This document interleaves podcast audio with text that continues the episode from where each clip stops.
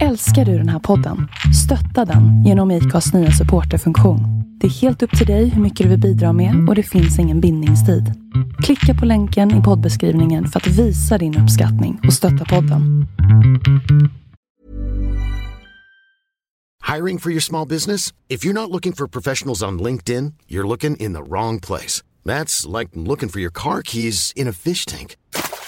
LinkedIn helps you hire professionals you can't find anywhere else, even those who aren't actively searching for a new job but might be open to the perfect role. In a given month, over 70% of LinkedIn users don't even visit other leading job sites. So start looking in the right place. With LinkedIn, you can hire professionals like a professional. Post your free job on linkedin.com slash people today.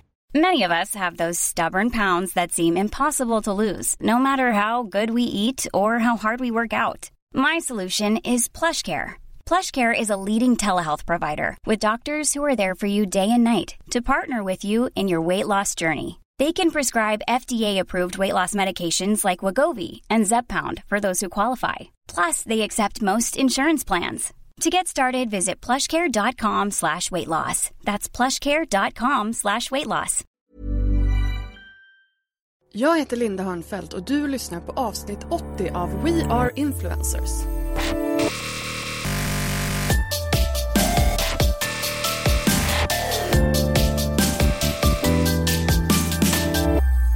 Hej och varmt välkommen till det sista avsnittet i den här specialsäsongen av We Are Influencers. Jag heter Linda Hörnfeldt, är grundare av Influencers of Sweden som gör den här podcasten och mig hittar du till vardags på lalinda.se. Eh, den här säsongen har vi ju satt strålkastaren på mikroinfluencers. Det här är ju då profiler som med en tydlig nisch och ett relaterbart liv eh, har byggt en karriär i sociala medier men utan de här enorma följarskarorna som ofta man kanske associerar med framgångsrika influencers. I det här avsnittet så ska vi eh, få höra ifrån Annika Myhre och Lisa Falåker. De är två stycken resebloggare som har hittat ett sätt att jobba tillsammans för att lyfta varandra och eh, sina eh, sociala kanaler. Annika hon sa upp sig efter en workation med just oss på Influencers of Sweden för att satsa på sina sociala medier medan Lisa hon ser bloggen som det perfekta komplementet, komplementet till sitt människojobb. Um, den här duon de träffades på ett eh, bloggevent och fann varandra på en gång. Och idag har de en podcast som heter Att resa-podden tillsammans och de har också utvecklat en strategi kring att sälja in samarbeten tillsammans för att stärka erbjudandet. Vi pratar lite grann om vad är det för skillnad egentligen på resebloggare och bloggare som reser. Den är större än vad man kanske kan tro. Om det här med pressresor, hur funkar det egentligen? Och om den här utmaningen om att verka i en bransch där reglerna fortfarande är lite flytande. Här kommer min intervju med Annika och Lisa.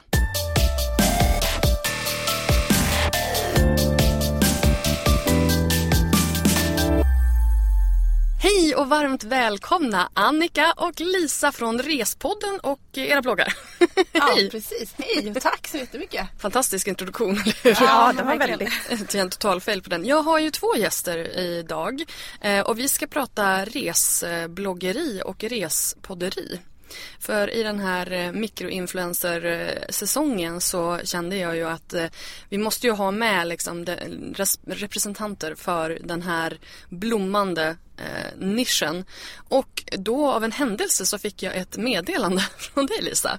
Ja men precis, ja, men vi känner ju varandra lite grann och sen så gick jag och lyssnade på ett avsnitt och så tänkte jag att men Linda måste ju prata med oss och mm. fråga om just det här med resebloggande versus eh, livsstilsbloggare som kanske också får upp ögonen lite grann för att eh, samarbeta med olika typer av ja, turistbyråer eller flygbolag eller vad det kan vara. Jag tänkte att vi har nog en del att säga om det här och kanske reda ut begreppen lite grann och när ska man jobba med vilka och så. Men du är ju väldigt eh, liksom representativ då för just det här att ta tag i det själv och att faktiskt pitcha in sig själv.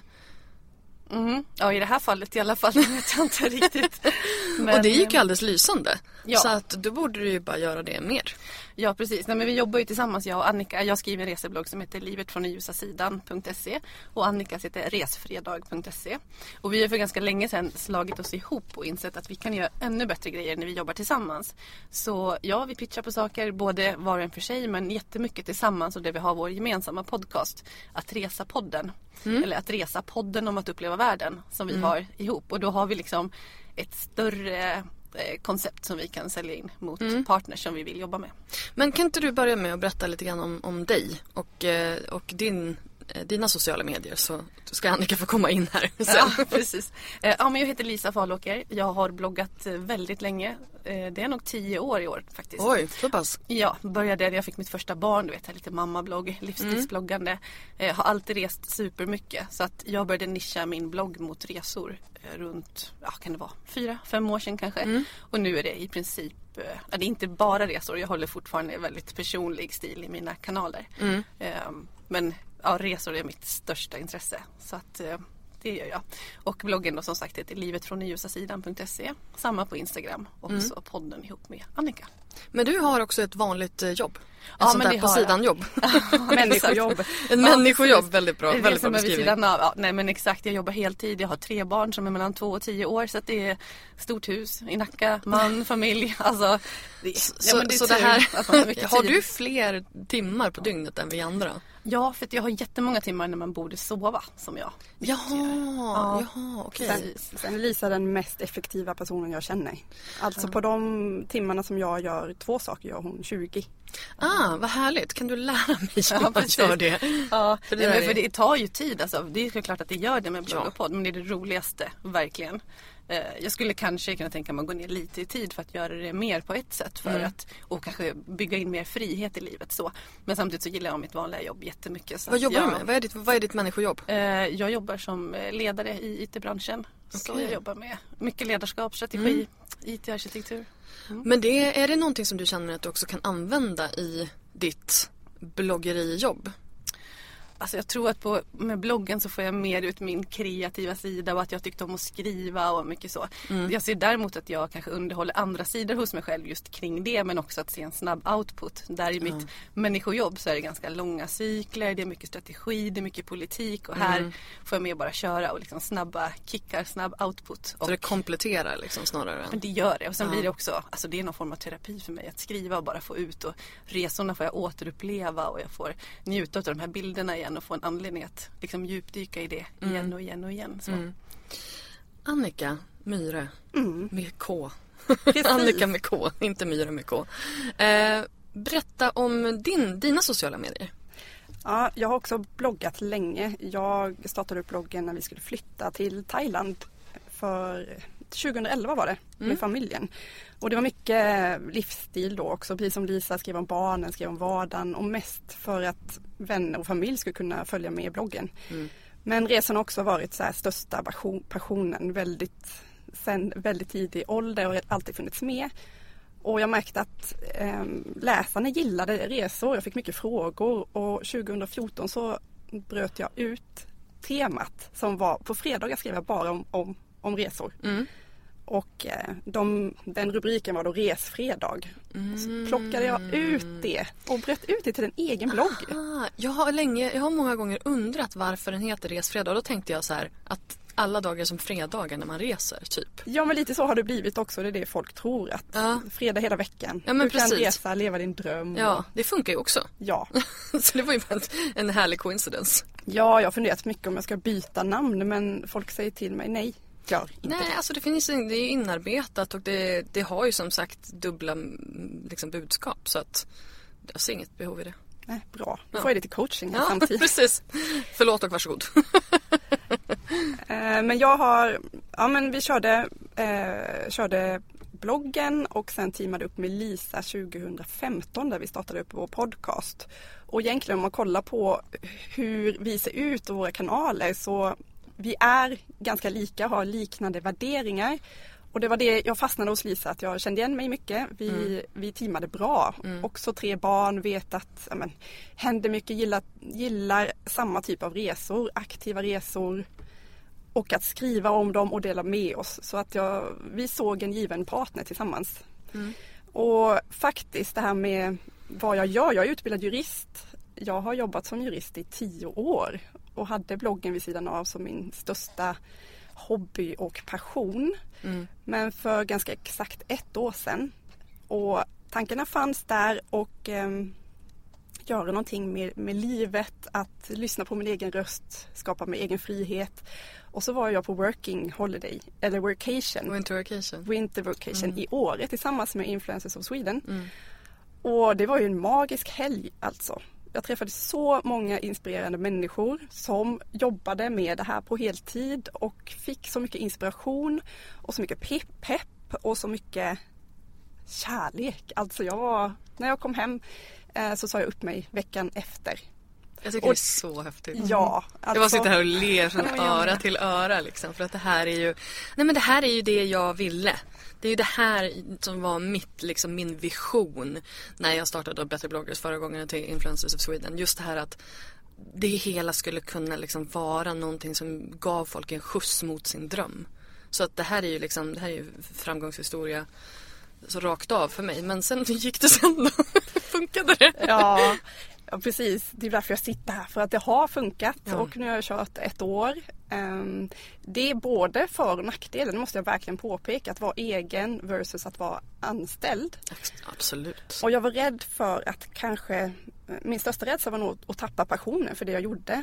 Att resorna som är en så stor del av mig att det skulle bli mitt jobb och därmed mm. inte vara lika kul och lika spännande och lika härligt längre. Mm. För att när det går över till att bara bli business och siffror och samarbeten då tror jag att det är dags att sluta faktiskt. Mm. Mm. Ja, men det, där är, det där är någonting som, som jag har kämpat med mycket det senaste halvåret bara just att hitta, liksom att inte fastna i vad jag borde göra. Utan att faktiskt liksom stanna i, ja men vad är det som är roligt, vad är det du är bra på? Inte titta på alla andra. Men hur, hur har du hållit fast vid det då? Mm, det handlar om att välja samarbeten för mig som, att jag, som jag kan stå för, som jag fortfarande tycker är roliga och se till att göra resor som jag fortfarande brinner för. Som mm. jag tycker passar in i min nisch. För det är jättetydligt tror jag om man ska fortsätta hålla på så här länge att man väljer sina samarbeten med omsorg, destinationer med omsorg, platser som jag verkligen vill resa till, saker som jag vill göra, typer av resor som jag har drömt om att göra. Och sen kombinera det såklart och inte bara samarbetsresor utan vi reser väldigt mycket tillsammans med familjen och också blanda in det med de resorna som, som vi ändå skulle göra såklart. Mm. Och skapa mervärde på allting för läsarna, för följarna och för mig själv. Men hur träffades ni? Ja men det var faktiskt genom bloggarna också. Jag hade följt Annika en period och fått höra från flera olika håll att ja, men du borde för, följa Annika. Ni är väldigt lika. Jag tror att ni kommer gilla varandra. Och sen var vi med i samma, ett samarbete med Plan International, eh, Flickafadder för Tjejmilen. Du vet, vilket år var det här Annika? Det här var 2011. 2011, ja. Så första gången vi sågs var faktiskt i samband med att vi sprang Tjejmilen för Plan. Och eh, Fick ni se de mest peppiga sidorna av varandra? Ja, men, men då blev vi väldigt förtjusta i varandra. Men det var ju några år senare som vi började liksom, jobba tillsammans. Och... Ja, och hur, hur, hur, vad var första steget i det? För jag tror det är många som tänker så här, ja men gud, att samarbeta med andra, det vore ju jättekul. Men hur gör man det rent praktiskt? Mm. Mm. Vi hade ju börjat att prata lite grann med varandra så, men inte inte så konkret om att podda tillsammans och så men det var ju mer att om man hade ett samarbete på gång eller kanske inte kunde göra det själv eller Ehm, de behövde någon mer så tipsade vi gärna om varandra. Men sen var det faktiskt en pressresa eller en bloggresa till Finland som var en sån familjeresa som man kunde söka till. Och då var det några andra eh, resebloggare som hade varit på det året innan men nu skulle det ha ett familjefokus. Mm. Och då fick man söka, det här var ju några år sedan då, det var 2015. Ja. Eh, och då, då sökte, det ganska många som sökte och det var jag som kom med då. Mm. Eh, och min man kunde inte vara ledig och han var inte superpeppad att åka till Finland just här men jag ville iväg och se det här stället som i skärgården där och så. Och då frågade jag Anna, Annika om hon kunde vara min eh, Plus one. Min plus one. Ja. Nej, men så vi åkte vi två tillsammans med eh, tre utav våra totalt sex barn. Då. Stjärnfamiljen. ja, exakt. Verkligen. Och där hade vi precis hur bra som helst på alla sätt och vis i allt vi gjorde, hur vi tog oss runt och hur vi hängde liksom. Och då började vi prata också om podcast och om vi kanske skulle köra ja. igång med något. Och jag ska säga att det här var precis i poddarnas begynnelse. Det var det inte riktigt. Det var 2015. Mm. Det fanns en podcast om resor som Vagabond körde. Eh, men det var ju liksom ett varumärke bakom. Det var mm. inte personligt. Vi saknade en nisch på marknaden som var en podcast med en personlig vinkling om resor. Det var något som jag själv skulle gärna lyssnat på och som jag trodde fanns liksom, det måste ju finnas en efterfrågan på det också. Mm. Mm. Ja och precis och där man vet mer personerna bakom och vad de tycker om vilket gör att man får en lite starkare trovärdighet i, trovärdighet i det. Och kan prata om mer personliga upplevelser kring det. Alltså jättemycket tips, jättemycket diskussion, information, destination men också den här personliga touchen att ja men jag gillar det av den och den anledningen och där man låter följarna, våra lyssnare och läsare få den sidan utav det också och på det sättet kunna förstå mer vad den här destinationen eller resan har att erbjuda. Men som tips hur man gör rent praktiskt. Alltså om man funderar på att samarbeta med någon så tror jag att det är otroligt viktigt att verkligen klicka med den personen. Känna av att ni, har, ni, står, ni står för samma saker, ni har samma grundvärderingar. Ni är beredda att lägga in lika mycket tid i projektet. För det här kan ju bli jätte Alltså det kan bli en stor källa för irritation om en person sitter varenda kväll och jobbar och pitchar och klipper podden och den andra bara glider med på, ett mm. räk, eh, på en mm. räkmacka. Mm. Så det här är jätteviktigt att prata om. Vi pratade mycket om det, hur ska vi lägga upp det, vem ska göra vad? Och också, jag tycker att det kan vara bra att, att teama med någon där man har olika styrkor också. Lisa är väldigt teknisk. Jag är inte teknisk. Så vi har ändå liksom det är bra att komplettera varandra. Mm. Med, med, Vad är du bra på då?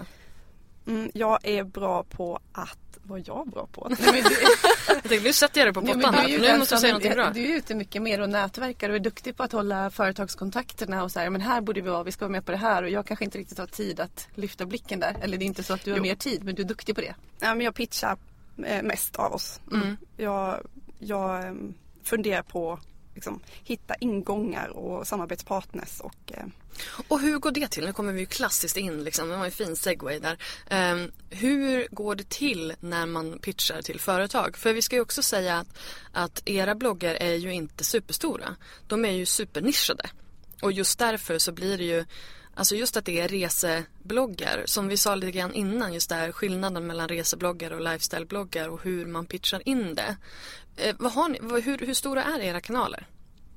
På ett ungefär. Mm, jag har ungefär 10-11 000 unika i månaden på bloggen på mm. Resfredag. Mm. Och på Instagram har jag 2500. Mm. Eh, så det är verkligen mikro. Jag är en mikroinfluencer. Ja, mm. ja men det är därför du är här. Ja, ja, och jag har väldigt liknande. Lite mer på eh, blogg men inte jättemycket mer. Så vi är ungefär lika stora så. Men mm. däremot har vi fått ganska många tunga utmärkelser. Mm. Förra året fick eh, Annika Sveriges andra bästa reseblogg och jag hade Sveriges tredje bästa reseblogg. Och sen kommer det ju olika tävlingar vid olika tillfällen och sen kan det vara någon tidning som gör någon lista och det är svårt att riktigt bedöma de här utmärkelserna. Men vi ligger konstant med på topp 10-listor, topp 5-listor, topplaceringar och sådär. Så att för oss är det ju mer det att ja, men stark trovärdighet, starkt namn inom det här, levererar kvalitet och eh, att vi vet vad vi står för, liksom, vilken mm. nisch som, som ja, men Ni är ledande profiler inom mm. resbloggs nischen. Ja, och det blir jättetydligt också för det, det är så lätt att vara rädd för att visa upp siffrorna och tänka men jag är ju ingen. Vem ska vilja liksom anlita mig? Jag kan inte ens jämföra mig. Jag är en piss i havet liksom. Mm. Men när det kommer till expertrollen så har vi ändå tagit den på grund av att vi är trovärdiga för att vi har gjort många samarbeten, vi vet vad vi pratar om, vi följer trenderna. Eh, nu precis i årsskiftet så blev vi inbjudna till SVT Morgonstudion i direktsändning och eh, agera i egenskap av reseexperter som de titulerade oss. Det var inte vi som pitchade in oss nej, där. Det är, sällan, det är sällan en själv som tar epitetet expert utan det är snarare någon som ger det till henne. Gör man det själv så kanske ja, innan, innan någon annan har gjort det i alla fall så kanske man behöver se över sin hybris. Ja men verkligen, men det är oerhört kul när det kommer den typen av förfrågningar och vi har varit med i lite andra eh, online-tv-program med ganska stora producenter och direktsänd radio och lite sådär mm. också. Så att vi... Och vad frågar de då? Ja men ibland, det ganska ofta tycker jag att det har varit så här budgetresor. Det är ganska ja. stort, så här, vad ekonomiska tips så. Eh, trender, de gångerna vi har skrivit om det och snackat om det i podden så får vi ofta efterföljande frågor kring det. Att det här är intressant, prata mer om det och så. Mm. Så att eh, mycket sånt skulle jag säga och uppstickare. Mm. Och, och specifika destinationer som vi vill tipsa om. och anledningarna till varför man vill göra det. Mm. Och just det här att resa med barn. Jag menar ni har ju en, ett mindre fotbollslag tillsammans. Det, det är ju, men de har, de har rest sedan de har varit pyttesmå. Så de kan det här, eller, eller hur, hur Ja. går det? Ja. men för mig, vi har, vi har, eh, jag har tre barn som är 9, 7 och 3. Mm. Och det har varit en smygande resa. Jag var inte alls speciellt kaxig när jag fick mitt första barn.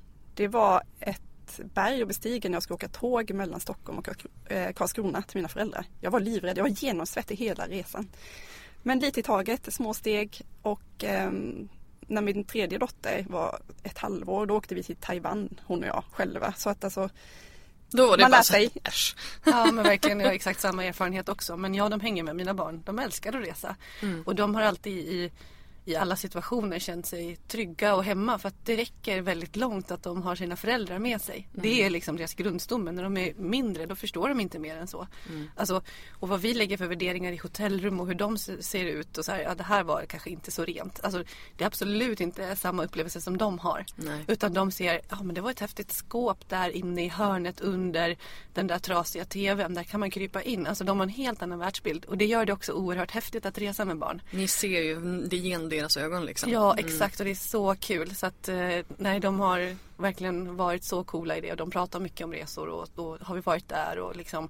Så de glömmer ju kanske de specifika resorna för att de har varit för små. Men jag är helt övertygad om att de tar med sig saker i hur vi har haft det tillsammans familjen. De bygger relationer sinsemellan mellan syskonen. Och, eh, och de får en förståelse för, för världen. Nu låter det väldigt pretentiöst så men på riktigt så får de upp ögonen för annat än det som är här och, och nu. Och jag menar, Det tror jag är superviktigt. Ja, och jag bor i den här Nacka liksom, förorten till Stockholm i huset här och lilla Väldigt villakvarteret. privilegierat. Ja men eh, exakt, ja. exakt. Så för mig känns det jättekul att kunna ge, Mm. ge det. Och, eh, ja. Sen, sen kan vi få mycket kritik för att resa med barn. För liksom, varför gör du det? Är det för barnens skull eller är det för din egen? Och ska du släppa med en liten bebis till andra sidan jordklotet? Eh, Den behöver bara vara Bebisen hemma. skiter väl i vart bebisen är så länge bebisen är med mamma. Ja, Och men, pappa. och det är det man får säga också. Alltså, det är själviskt. Jag reser ju för att jag vill resa och jag vill dela det med mina barn. Och någonstans, vem vet var mitt barn börjar skapa minnen? Och var, var kommer det in? Ja, men du ska resa.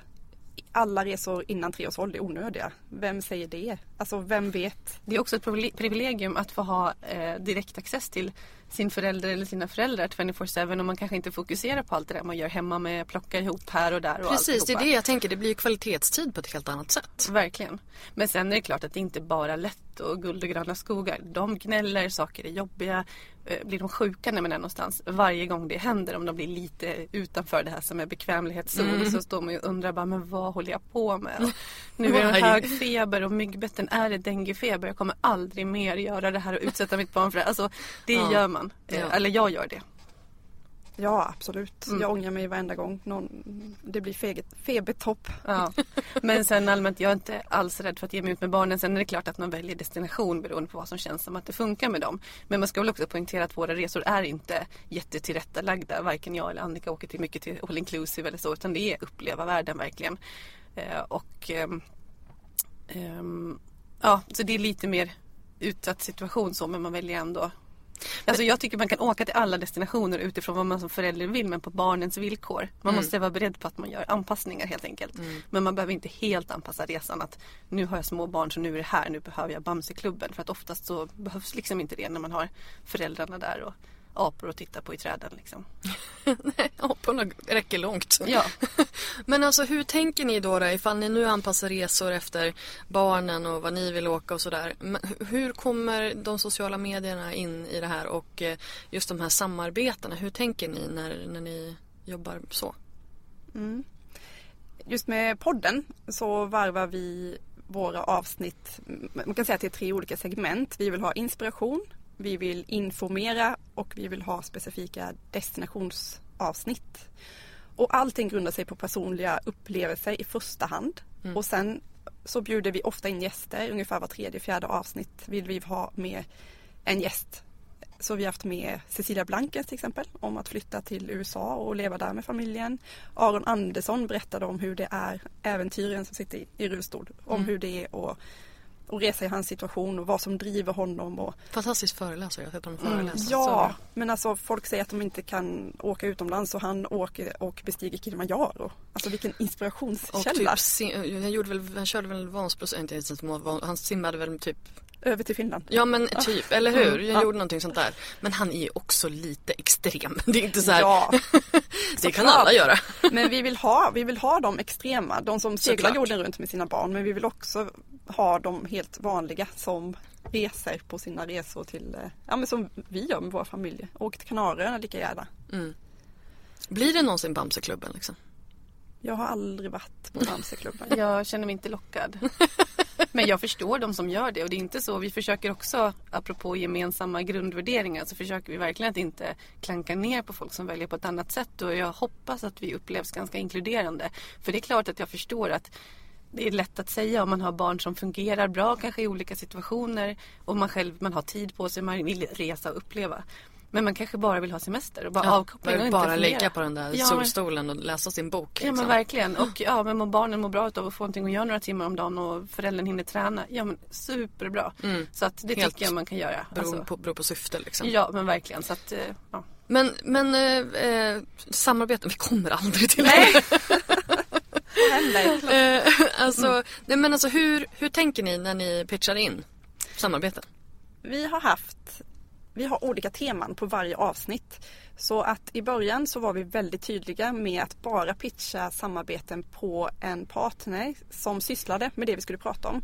Pratade vi om, ehm, alla våra avsnitt heter så här, att resa med barn, att resa hållbart, att resa som, som titel.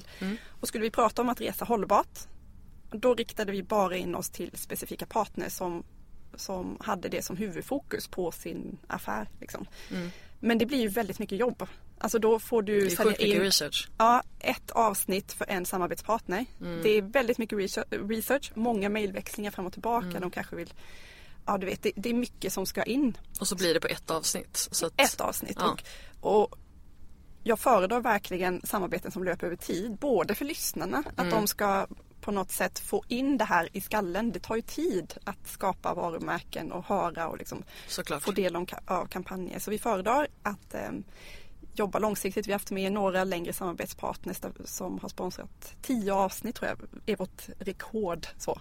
Och det skulle vara kul att få fler sådana men det är, det är svårt också för att vi vill ju kunna erbjuda en specifik Alltså ett budskap till ett specifikt budskap. Vi tycker att det är jätteviktigt att skräddarsy samarbetena efter det som vi pratar om. Och sen så gör vi också att vi har eh, small, medium, large eh, förslag.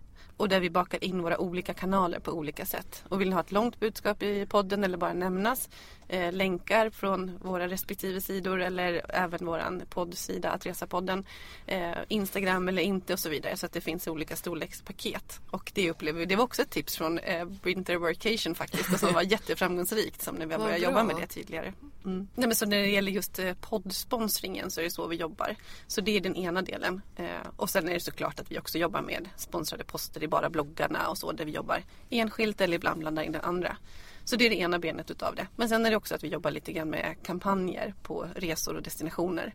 Där vi gör med ett helhetsåtagande och faktiskt reser på en resa, gör research, skapar content ehm, och sen skriver om det i bloggar, poddar kanske ett specifikt avsnitt, gör film eventuellt, alltså där vi syr ihop en hel kampanj liksom. Och då är det att vi åker på resor som jag har en prislapp där, man, där vi får betalt för att göra det. Men då är det också en garanterad output på ett annat sätt än om pressresor som vi kanske Ja men prata mer precis. om. Ja men och det, det måste vi absolut göra för det där är ju någonting som ehm, Alltså resor är ju inte billigt. Och i en bransch där det redan är prisdumpat hur får man de här destinationerna eller företagen att faktiskt betala för sig och inte bara säga ja men du får ju, göra, du får ju åka på den här resan. Det är ju din betalning liksom. Hur, hur har ni kommit över den? För det måste ju ha varit en, en kamp. Hiring for your small business? If you're not looking for professionals on LinkedIn, you're looking in the wrong place. That's like looking for your car keys in a fish tank. LinkedIn helps you hire professionals you can't find anywhere else, even those who aren't actively searching for a new job but might be open to the perfect role. In a given month, over 70% of LinkedIn users don't even visit other leading job sites. So start looking in the right place. With LinkedIn, you can hire professionals like a professional. Post your free job on linkedin.com slash people today.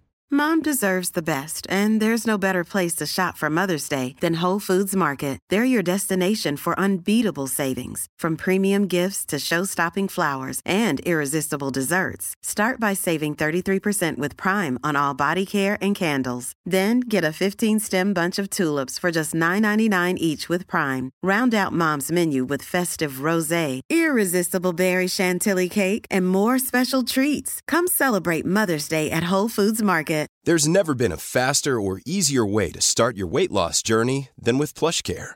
PlushCare accepts most insurance plans and gives you online access to board-certified physicians who can prescribe FDA-approved weight loss medications like Wigovi and Zepbound for those who qualify. Take charge of your health and speak with a board-certified physician about a weight loss plan that's right for you. Get started today at plushcare.com slash weight loss. That's plushcare.com slash weight loss. plushcare.com slash weight loss. Jag tror att hela industrin, vi har sett en utveckling, det jobbet som görs hos Influencers of Sweden eh, och jobbar mycket med det budskapet att vi skapar, det här är nu ett jobb, det här är ett uppdrag, ska vi skapa gratis innehåll som du kan trycka ut på dina kanaler, få företag förstå skillnaden då, PR, marknadsföring, vad vill du ha ut för budskap, vill du jobba med, vill du ha liksom direkta bokningar, vill du ha engagemang, vad vill du ha ut av resan? Och förstå värdet i vår roll som numera då reseexperter som vi faktiskt ändå kan titulera oss. I och med att någon annan sagt det. Ja, men precis. Men det är jättesvårt och det är inte självklart alls. Det är jättelurigt att få dem att förstå att vi ska ha betalt om det är samtidigt 20 stycken inklusive jag själv som åker på vanliga liksom pressresor som inte är betalda. Precis, vad är skillnaden? Skillnaden är att på en pressresa så finns det absolut inga åtaganden. Du åker iväg på en resa eh, blandat med eh, journalister kanske från en tidning. Du får se en massa fantastiska saker och eh, förhoppningsvis om du gillar det så skriver du någonting om det i dina kanaler. Men det finns inga åtaganden alls. Och det innebär också att du behöver egentligen inte skriva ut att du åker på en pressresa. Det finns inga åtaganden från någon sida. Mm. Sen försöker vi vara väldigt tydliga med att alltid göra det, eller jag i alla fall, och göra det ändå för att läsarna ska kunna välja bort och läsa de posterna om de inte känner att de kan lita på mig eller sådär. Jag tycker att det är jätteviktigt att vara transparent för läsarna. Mm. Eh, betal... Speciellt när det gäller resor för att ja. det är ju otroligt mycket pengar involverade. Så just det här att, att vissa åker på resor var och varannan vecka eller veckoslut eller sådär. Det blir ju lite så här, men hur hela friden finansierar det här? Om man nu inte säger att man faktiskt får en del resor gratis. Mm. Precis. Och de betalda uppdragen, då kan det finnas, alltså då är det ju avtal. Det här ska du producera. Mm. Säg att det är två inlägg och eh, att vi ska nämna dem i podden. Och då är det ju ett uppdrag som absolut måste märkas ut mm. och du får som Lisa pratar om garanterad output. Det här får du om du samarbetar tillsammans med oss. Mm. Men sen har det också varit lite prat om det här med pressresor versus bloggresor och så. Ska vi verkligen säga pressresor för att journalister åker minsann inte på det utan eh, de vill inte bli bjudna på någonting gratis sägs det ibland. Eh, faktum är att pressresor vi har varit på har varit blandade med både journalister och bloggare. Mm. Skillnaden är ju att, och, och, ingen har gjort något åtagande utan för själva resejournalisten som kanske är frilansare och säljer sitt reportage till en tidning. Det kan ju vara vilken som helst av kvällspress eller mm. specifika magasin de skriver ju ingenting sen i det reportaget som blir. Som de skriver, säljer in och förhoppningsvis lyckas publicera. Det kan ju vara ett år senare. Mm. Um, där står det ju ingenting. Men i bloggarna där vi såklart, alltså man vill ju såklart skriva någonting och gör det. Mm. Där kommer det direkt, du kommer ut i digitala kanaler. Men vi, i alla fall jag och Annika och de flesta, eller många som är uttalade resebloggare är ganska noggranna med det att skriva att det här var en pressresa. Mm. Även om det inte är, föreligger något, något måste inom det. Och jag tycker att det är lite branschkutym. Jag skulle önska att alla gjorde det för trovärdighetens skull. Vad är det för skillnad på en bloggresa och en pressresa? Ja men det är det de menar lite grann. Att pressresorna är egentligen journalister och då Eh, Eh, är det pressetiska regler som gäller kring att man eh, och vad är skillnaden? Ja, exakt. Vi anser ju att vi bloggare också håller oss till dem. Att vi inte liksom är köpta i våra budskap och så vidare. Och det är det som är skillnaden. Men det anser journalister ibland att det kanske är lite annorlunda. Men jag ska inte dra det över en kam. Och vi har faktiskt ett, eh, en av Sveriges största branschorganisationer för just turistjournalister som har börjat samarbeta med bloggare nu. Så att vi ingår i samma nätverk. Vilket är något oerhört stort och superhäftigt. Det är fantastiskt. Ja, det är det verkligen. Och det blir ett, eh, bra för partners också. För att som kan vilja nå ut som sagt både digitalt och i tryckt media. Så jag upplever faktiskt själv inte att det är någon skillnad. Men vissa kan tycka att man istället ska skriva att det är bloggresan när det har varit bloggare som har varit för att det är en annan liksom eh, ja, andra Oj, förutsättningar. okej, men, jag vet inte om jag håller med. Är det andra förutsättningar eller är det bara en annan, ett annat yrke som åker på den här? Jag menar absolut att journalister har någon form av eh, eh, pressetiskt ansvar att vara eh, oberoende, att vara objektiva i, i, i det de skriver och sådär. Och det har ju inte bloggare. Bloggare har ju snarare som jobb att vara subjektiva. M- men och, och blir det då, kommer man då att skriva när man har varit på den här bloggresan, pressresan, att det här var skräp? Eh, kommer man att vara ärlig då eller kommer man att, eh, för man fick det ju gratis och då kanske man inte blir bjuden igen. Hur tänker ni där? Ja, men jag tror ändå att man kan lägga fram det på olika sätt. Är det någonting man inte är nöjd med kanske man hellre utelämnar det helt och hållet. Ja, Mm, sen tror jag för att det ska bli hållbart i längden för läsarna och för mig själv så gäller det också att välja resor som man tror kommer passa in i kanalerna. Jätteviktigt att verkligen välja de samarbetena som, som passar mig.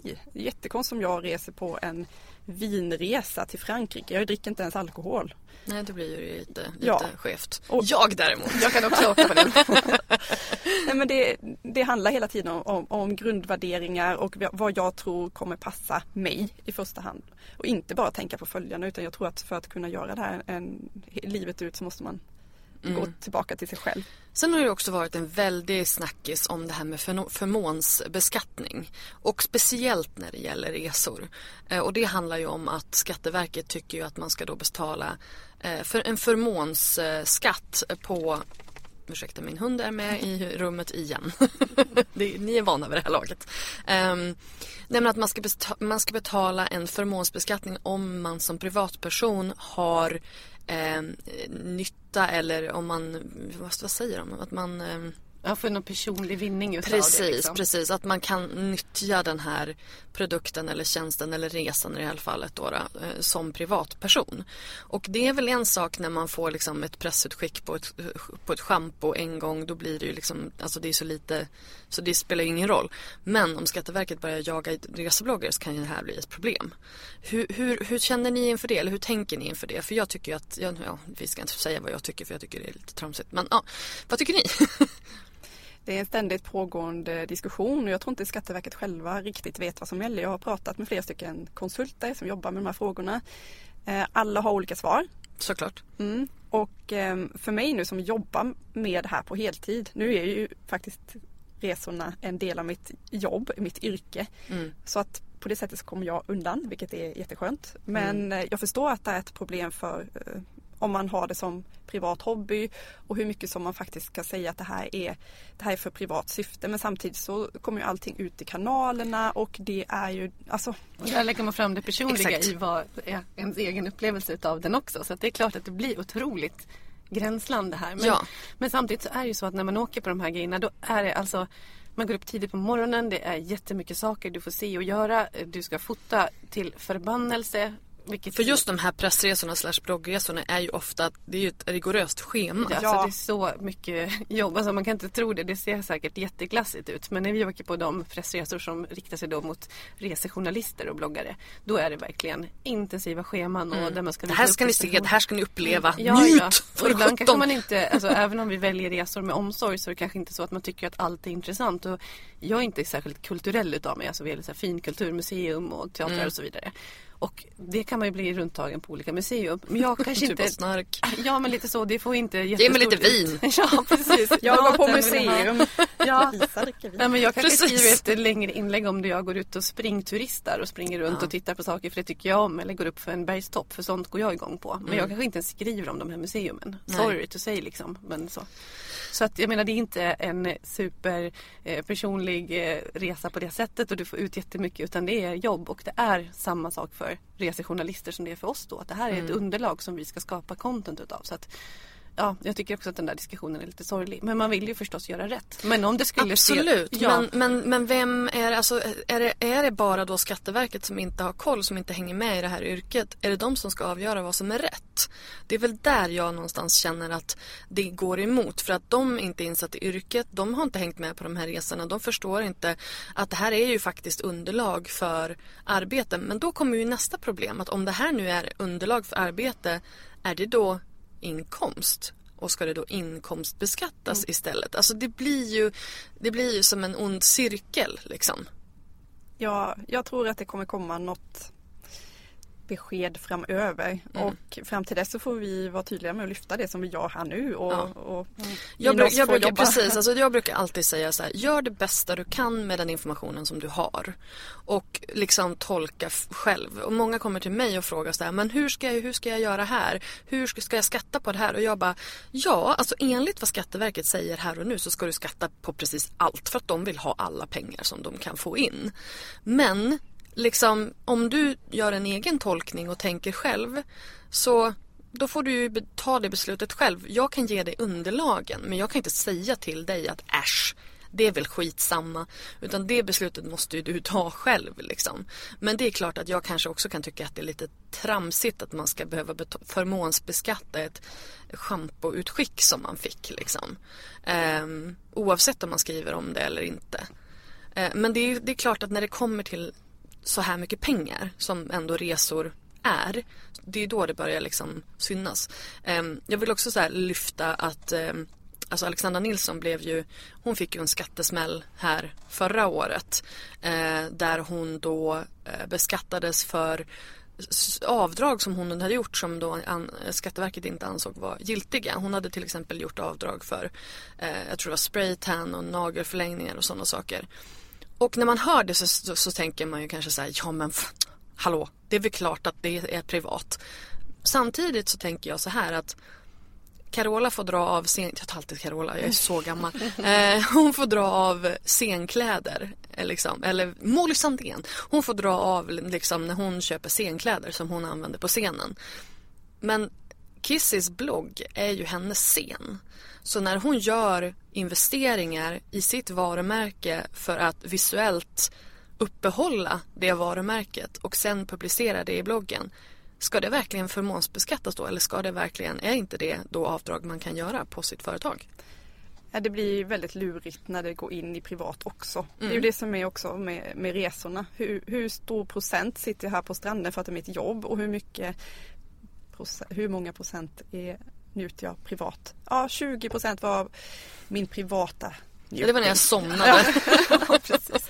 Alltså det är jätte, jättelurigt. Ja. Vi får väl se vad som händer. Precis, men jag tycker bara att det är ändå så här, för att jag tror att många kände liksom att när, när det här kom på Kissa, då var det många som kände, ja men det är väl klart att du inte fick dra av det.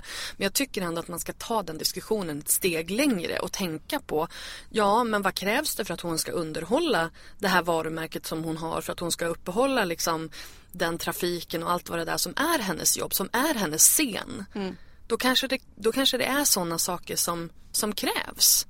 Och då är det så här, ja men skulle hon kunna då ha dragit av hälften? För jag tror att Skatteverket satt med det här och bara, "Pff, det här är ju trams. Det var ju ingen som liksom tänkte ett steg längre på hur det faktiskt fungerar.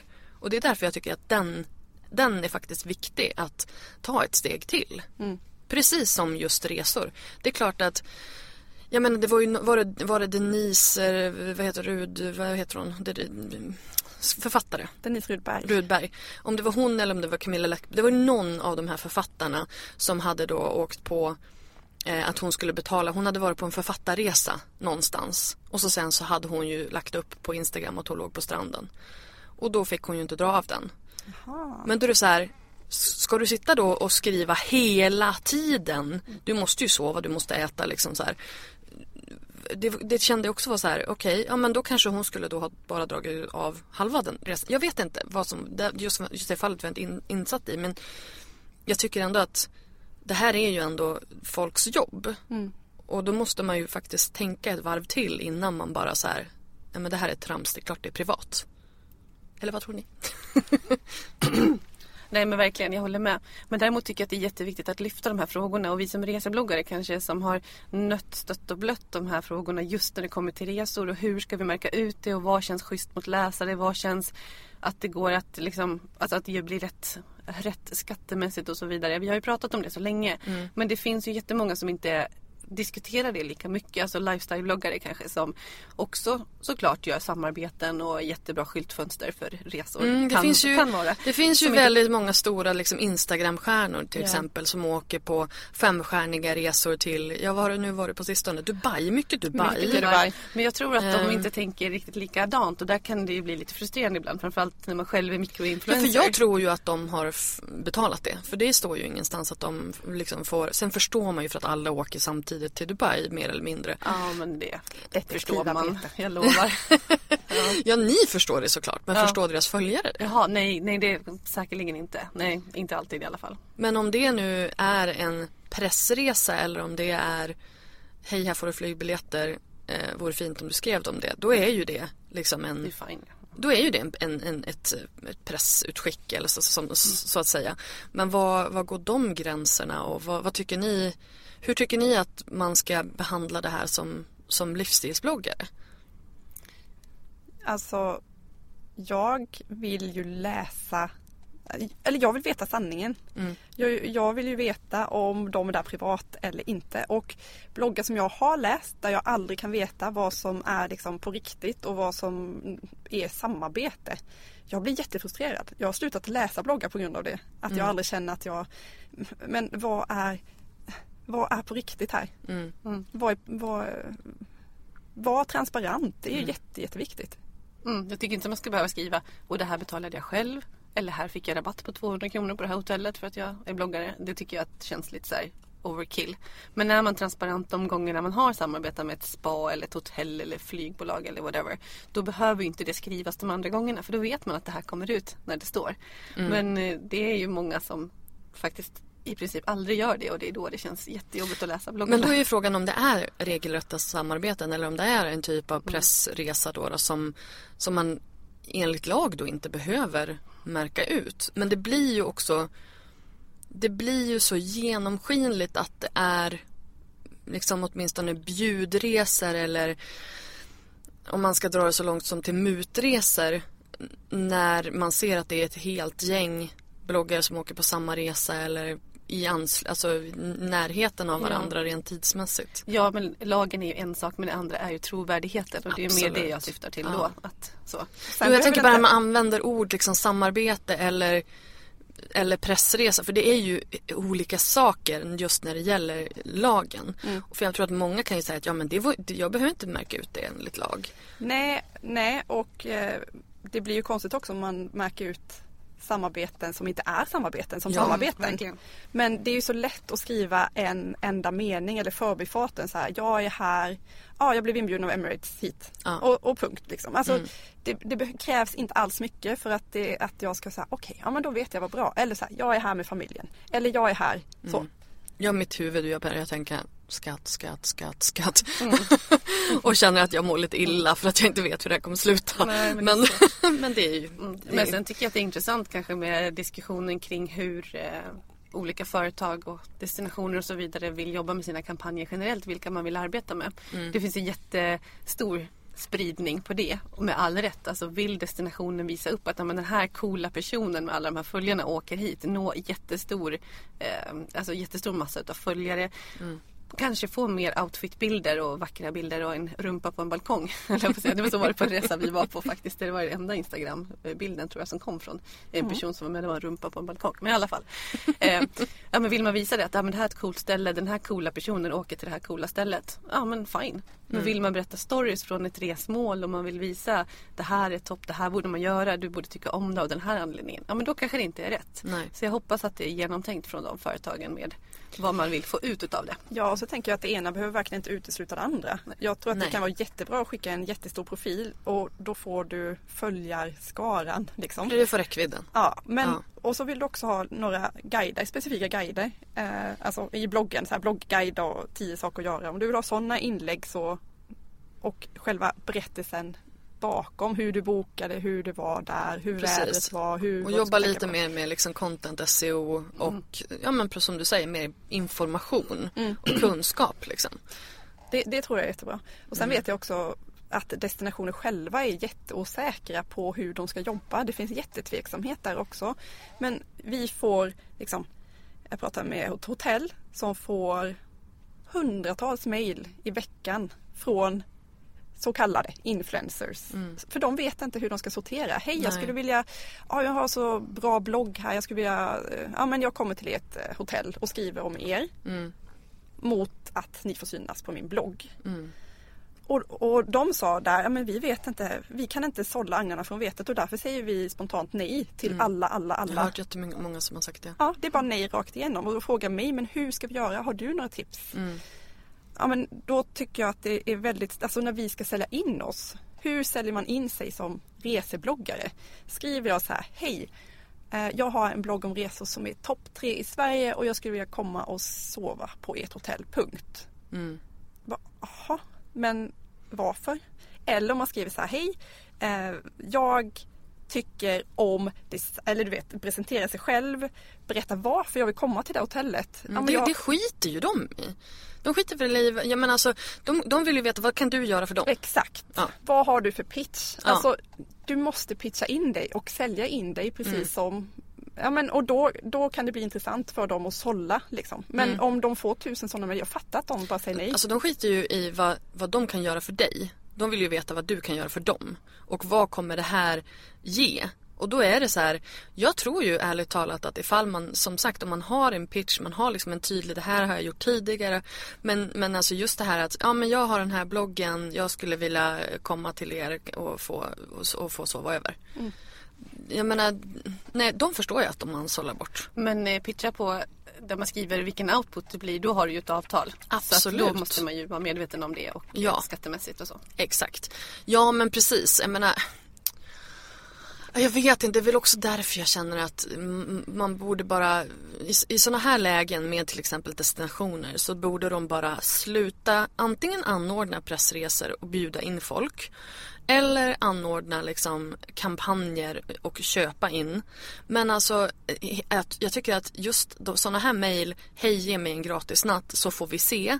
Att de liksom, att man ber om pressprover eller vad man ska säga.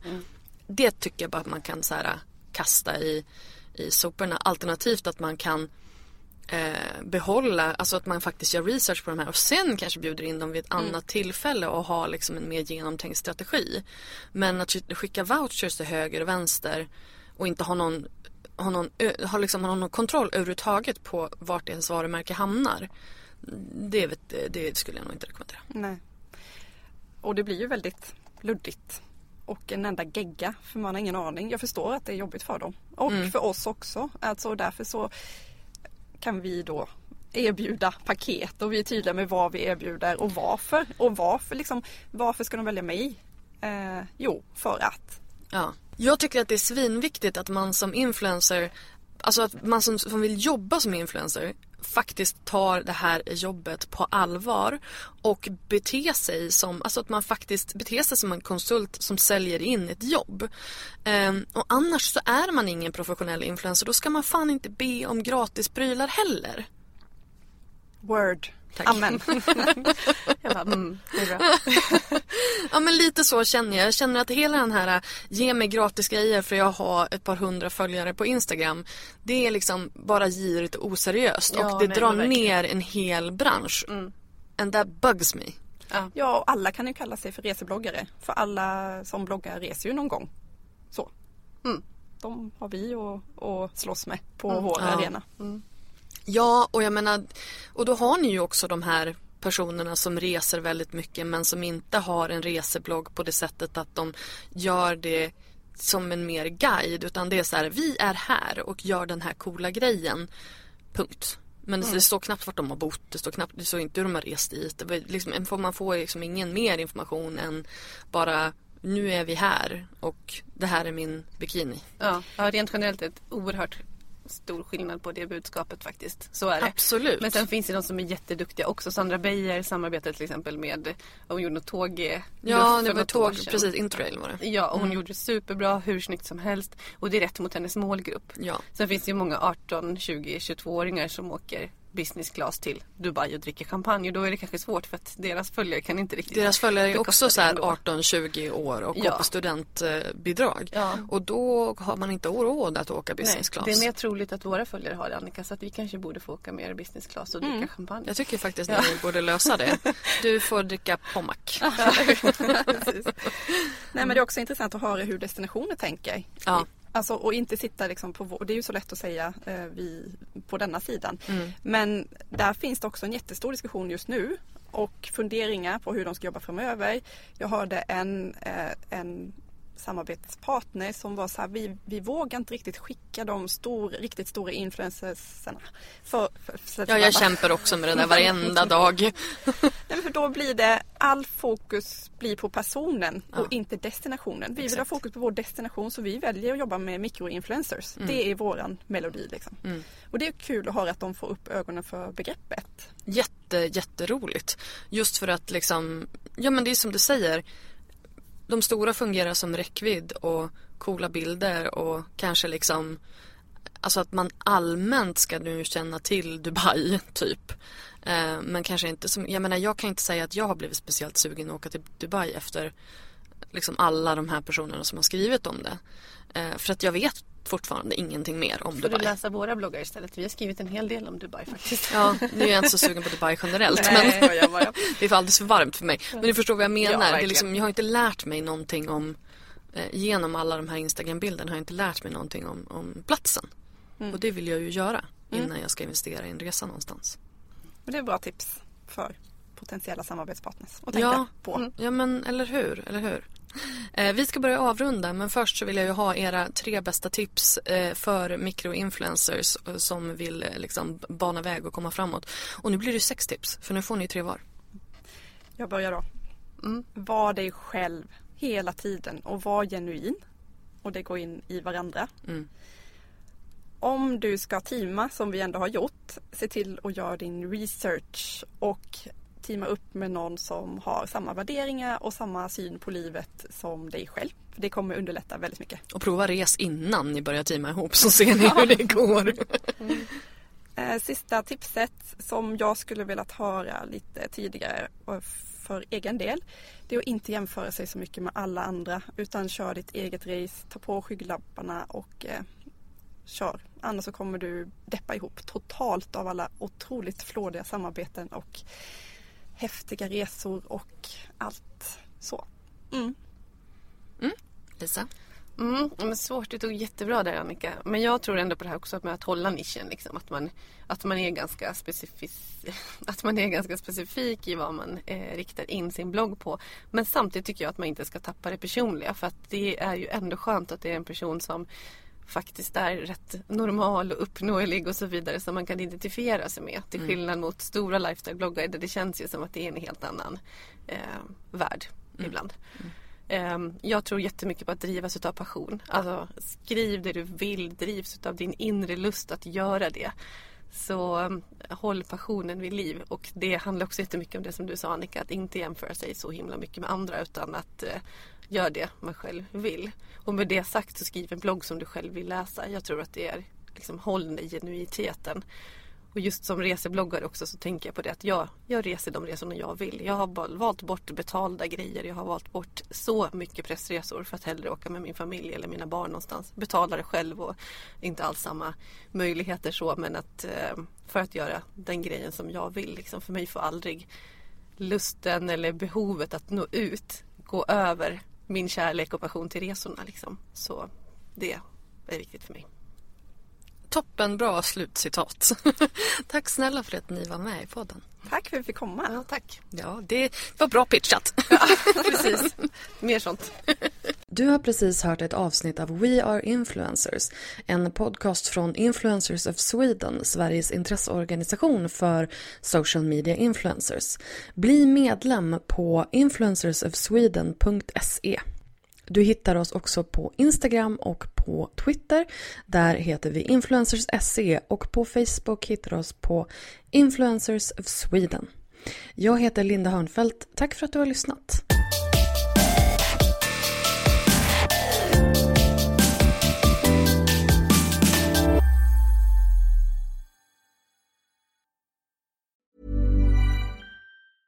Selling a little or a lot?